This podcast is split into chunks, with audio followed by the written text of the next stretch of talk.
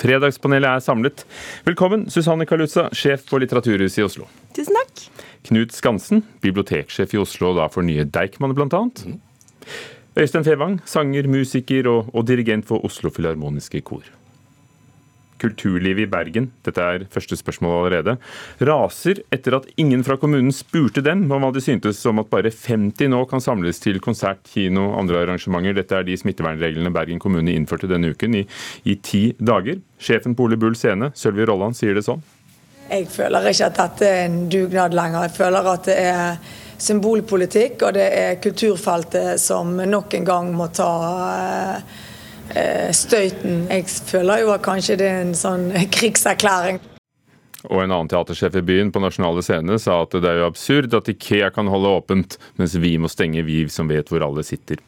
Har kulturlivet vært utsatt for symbolpolitikk, Øystein Fevang? Ja. Susanne Kalutza? Ja. Knut Skansen? Ja. Ja.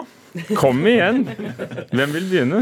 Jeg begynner gjerne. Jeg syns det er uh, på en måte veldig rart at uh, man er så streng på arrangementssiden i forhold til antall i saler som Jeg var, i, jeg var faktisk i Konserthuset og hørte på Oslofilharmonien bare for noen uker siden med 200 andre mennesker. og jeg, jeg, tror det er det minst risikofylte jeg har gjort siden koronaen brøt ut. Det var å sitte i Konserthuset, som vel tar 1000 mennesker eller noe sånt. 1400. 1400 ja. Mm. Eh, eh, der kunne man jo fint vært fler ut ifra smittevernhensyn. Mens på bussen derimot, 30-bussen eller 1.30-bussen, som er en av de mest trafikkerte rutene i Oslo, eh, sitter jeg ofte alene med munnbind. Så hvorfor ikke være streng i de situasjonene som vi vet er risikofylte? F.eks. da å ta kollektivtransport og lage en regel og si det er påbudt, og så heller legge til rette for at kulturlivet kan uh, finne gode løsninger. Jeg er hjertens enig med det min kollega Knut uh, sier her. Eh, altså, jeg har all respekt for smittevernhensyn. Det er det aller viktigste nå. Men det er noe med konsekvens. Sant? Og det er noe med at, at uh, bransjer behandles mer eller mindre likt. At man ser at det er en sammenheng. og når man f.eks. kan altså I sommer satt jeg på et fly til Svalbard. Da sitter du helt tett i tett i tett fordi flyselskapene har fått unntak fra énmetersregelen. men så skal du ikke kunne sitte på et 45 minutters bokbad med god, god, god plass rundt deg. Eh, det framstår veldig, veldig underlig. Vi skulle nok ha beholdt eh, helseministeren i studio, eller kanskje invitert Ikea-sjefen også. Eh, for jeg kunne jo ikke vente med annet når vi inviterte tre fra kulturlivet som, som jobber med å samle mennesker. Hvordan gjør dere dette i koret, Øystein Fevang? Det har vært Til å begynne med var det jo alle øvelser avlyst. Nå har vi en slags nødløsning hvor vi deler med altså halve koret øver om gangen, spredt rundt i hele Lillesalen i Konserthuset, altså med stor avstand. Det er veldig, eh, veldig nødløsning, for å si det sånn. Konsertene våre som eh, Filharmonien har med kor og orkester, er Én eh, ble avlyst for to uker siden, og den neste er også avlyst. altså Orkesteret gjør da ikke konserter med koret, sammen med koret, PT. Eh, Men er det symbolpolitikk? Det er vel helt reell det er en helt reell pandemi vi står oppi, og statistisk sett, jo mer det begrenser mulig kontakt, jo mindre risikofylt er det. Selvsagt, men det må henge litt på greip, og det må differensieres. ikke sant? I går var det konsert med Bergenfilharmonien i Grieghallen som har over 1600 mennesker, og de kunne ha 50 stykker der. Eh, og det er jo helt eh, det er jo, som det sies her, det må sammenlignes, det må henge på greip sammenlignet med andre tiltak. Det er da det blir symbolpolitikk, når man bare velger én mm. ting. Men kan du si at det er nødvendig å ta den bussen for å komme sted? Men det er ikke nødvendig å sitte og høre på en ny konsert, eller jo. en forfatter lese, eller dra Ja, er det nødvendig det er å dra på Ikea og kjøpe en ny sofa? Jeg vet ikke. jo, altså, det, Man kan jo diskutere hva som er nødvendig, men da er vi over i en diskusjon om å stenge ned hele samfunnet igjen, tenker jeg. Altså, Når vi først har åpnet opp samfunnet, så må det Jeg tror det er veldig viktig at folk forstår hvorfor de begrensningene begrensningene man pålegger, er som de er. Man vil hele tiden sammenligne situasjonene her, og det er det som er så vanskelig med nettopp disse store salene. og Jeg, jeg er helt enig i at det er differensieringen som mangler her. Har, og Det er da det blir symbolpolitikk, når man ikke klarer å differensiere og man egentlig bare bruker det til å sende et signal. Vi kan jo snakke til vi blir blå i ansiktet om eh, kultur, kunnskap og ytringsfrihet er nødvendig. Jeg vil jo mene at det er det, men det er jo også arbeidsplassene til folk. Sant? Jeg har fortsatt mine flinke ansatte, flere av de er fortsatt permittert. Eh, man har sett konkurser i bransjen, eh, sånn at det må også behandles som den næringen kulturlivet faktisk er. Da. Og Hvorfor tror du det ikke er blitt det, hvis det er sånn at andre har fått gehør for at de skal behandles annerledes? De syns vel at det er det enkleste, da. Av en eller annen merkelig grunn. Kulturliv altså har lite penger, sant? så Det er ikke så sterke lobbyistgrupper eh, som andre. Det spiller nok definitivt også inn. Det tror jeg. Nytt tema. And the Oscar goes to Parasite. Fra de siste Oscar-utdelingene.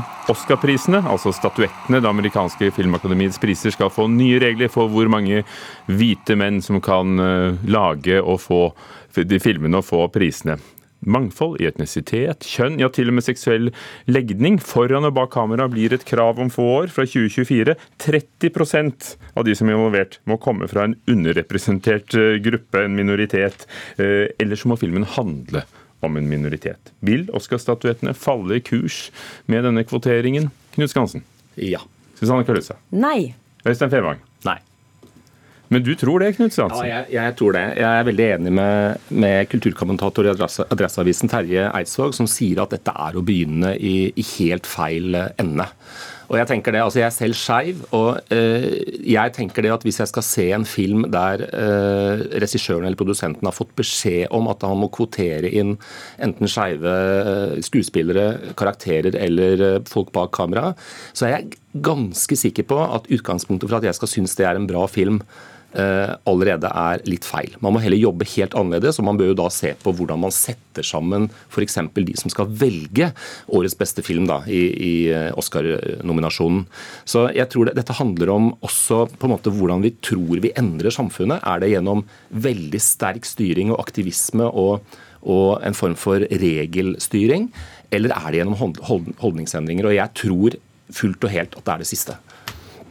Eh, ja, altså jeg er jo veldig enig i at man ikke kan diktere kunst, som bare har sagt det i bånn. Eh, og når det gjelder det du sier om eh, at man må se på hvem som deler ut disse Oscar-prisene, så har man doblet antall fargede kvinner som sitter i Academy. Det ble nådd nå i sommer. Men det viktigste er egentlig at hvis man leser kriteriene, så er det ikke sånn at du må ha enten noen skeive og noen brune og noen kvinner foran eller bak kamera. For det er fire forskjellige kriterier. Du kan også velge bare å ha noen svarte interns eh, i selskapet som finansierer filmen. Så at, eh, hvis man leser de eh, kriteriene, så er det, det er enten-eller. Du må ikke gjøre noen ting med filmen din. Du må faktisk heller ikke gjøre noe med de som filmer. Du kan gå på produksjonsselskapsnivå eller på finansieringsnivå. Så jeg ser at liksom Kirsti Alley har vært ute og sagt at dette er helt hårreisende. Du kan ikke fortelle eh, Picasso hva han skal male, men da har hun ikke fulgt med i timen. fordi det holder egentlig at eh, Picasso sier til Picasso at OK, men du kan jo la en eh, mørk kunststudent få sitte og vaske penslene dine. Og er det noe vits i da? Dette vil jo bli gjennomskuet. Det, det er ikke akkurat noe å få trusestrikken i vreng for, tenker jeg. Eh, jo, det er jo vits i fordi at eh, det, har, det har effekt. Eh, og, og sørge for at en ny generasjon og en mer mangfoldig generasjon får komme inn som interns eh, i, i selskapene og får, får en sjanse til å få jobb. Det er jo, det, er jo det dette, dette handler om. Jeg tror at tiltak vil ha en effekt. Altså Nå var spørsmålet om, om Oscar-statuettene vil falle i kurs. Eh, og Det tro, svarte jeg nei på, fordi en Oscar tror jeg vil være en Oscar eh, åkke som, uansett hva de gjør av tiltak. Men, eh, men tiltakene vil jo, vil jo både bidra til å sette fokus og kanskje være en, eh, en, rett og slett noe man må gjøre fordi man har sett at det, ingen, det har ikke funket med å sette sammen juryene annerledes. Og vi snakker om bare får du. Tom Cruise til å si at han kommer ut til skapet, så er den filmen sikra. Det. George Clooney, ikke sant? Så, så har du film. Altså, New York Times har også sett på eh, samtlige eh, best, eh, best movie eh, og sett om de hadde trengt å endre noen ting. Og det er ingen som hadde trengt å endre noen ting. Du kunne fortsatt sett The Departed med bare hvite menn i rollen. Det går helt fint. Og så må det sies i forhold til det å eh, senke kurs, dette er ganske like regler som BAFTA-prisen innførte i 2019. Så det er ikke rystende. Nei, men jeg, jeg tenker at det, det går inn i en, eh, en annen debatt dette også. Jeg tenker identitetspolitikken og alt det. Vi har fått mye fra USA i det siste på den fronten som ikke jeg tenker er eh, bare bra. Så eh, jeg vil fortsatt holde på det at det er holdningsendringer og det å jobbe uten slike regler som også faktisk i det lange løp gir mer solid mangfold. Du betakker deg. Jeg betakker meg. I rettssaken som pågår i Oslo tingrett eh, begynte denne uken, forklarte Laila Bertheussen at hun hadde falske Facebook-profiler som hun brukte for å få ut frustrasjon. Det var ordene som falt i, i forklaringen. Hun er da samboer til tidligere justisminister Tor Mikkel Wara, er, er tiltalt bl.a. for hærverk og, og ha hatt høyset med demokratiet, for å si det folkelig. Er en falsk identitet på Facebook verre enn å skrive under pseudonym? Ja. Ja. Ja. Og hvorfor det? For det første så strider det mot eh, Facebooks regler. Det er, eh, det er dårlig nettskikk. Eh, og så er det noe annet å lage en profil med, altså, med bilde, med en identitet som ikke bare er et navn. Og, og det er, er visstnok ikke uvanlig å ha flere identiteter på sosiale medier, eller flere konti? Ja, nettopp. Det er, det, er et, det er, et, problem. Altså, Facebook stenger I 2019 stengte Facebook nærmere 6 milliarder falske kontor. kontoer. Det er et helt ufattelig stort omfang. Jeg ser på det som et eh, enormt problem. Å bruke pseudonym og skrive et leserinnlegg eller eh, skrive en bok er noe helt annet enn å ha en falsk profil, hvor du virkelig går inn for å, å være en annen identitet på alle områder. Litt som Elena Ferrante, f.eks.? Altså jeg tenker Du er inne på noe viktig, viktig, her. og det er at Hvis du eh, skriver i avisen under pseudonym som Doremus Schæfer har gjort, eller hvis du skriver en bok som f.eks. Kongepuddelbøkene under pseudonym, så er det et annet eh, ledd som vet hvem du er, eh, eller i, hvis det er en kronikk i avisen, som har lest gjennom det du skriver og vurderer at dette er eh, relevant å sette på trykk.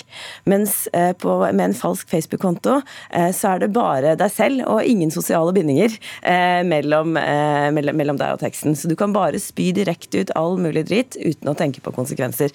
Med et pseudonym så er det noen andre som har lest gjennom og, og vurdert. Det filteret forsvinner når det er en Facebook-konto som er falsk. Mm. Jeg er veldig enig, og det, det, har noe med sjangeren å gjøre her, og forventningene til de som leser det. Eh, på Facebook så forventer du at det er et eh, menneske som eh, står fram offentlig og ytrer sin mening. Dette har å gjøre med ytringsfrihet og demokratiet vårt å gjøre òg, fordi i bunn og grunn så er både Facebook og Twitter nå blitt viktige, viktige medier i, i demokratiutøvelse. Og i den grad folk misbruker det, så er de faktisk med på å undergrave også en del av demokratiet. Ja, Er det misbruk? Kan det ja. være bruk fordi ja, eh, Doremus Schæfer, mediekritiker, skriver også på Twitter. ikke sant? Der, der, er det jo bare vedkommende selv som er redaktør. Jeg holdt på å si han, men det vet vi jo ikke. Ja, nei, altså, jeg, jeg, mener det er misbruk, fordi at uh, det, selv om vi kanskje ikke er vant til å tenke på det på den måten, så er disse mediene nå faktisk noen av de viktigste arenaene både for politikere og offentligheten generelt. Og i den grad vi, vi undergraver forventning, eller på en måte går imot forventningene folk har når de leser oss, så er det et problem. Og så tenker jeg Argumentene her er jo også uh, veldig rare. altså at man, man uh, sier at man ikke kan ytre seg fordi man er i en posisjon som gjør at det kan bli oppfattet, altså at man er på en måte måte samboer med justisministeren. Det er jo nettopp en grunn. Og mange er jo ikke det, men mange, mange har jo roller som gjør at de kanskje ikke vil si det de sier under pseudonym. Ja, men da må man velge en sjanger hvor pseudonymet faktisk er kjent. Så kommer det på hva man bruker det til. Altså Det vi kjenner fra før er jo f.eks. når mannen til fotballfrue eh, skrev under falskt navn i hennes kommentarfelt for å forsvare henne. og ga, ga seg til å legge. Men da forsvarte han i hvert fall kona. Her er det jo noen som har laget en falsk Facebook-profil for å forsvare seg selv og krangle om seg selv og, og styrke sin egen sak og si at uh, det, er, eh, det, er, du selv som har rett. Det blir jo et nytt nivå av narsissisme. Takk skal dere ha. Fredagspanel. Øystein Fevang, Susanne Kalutza, Knut Skansen.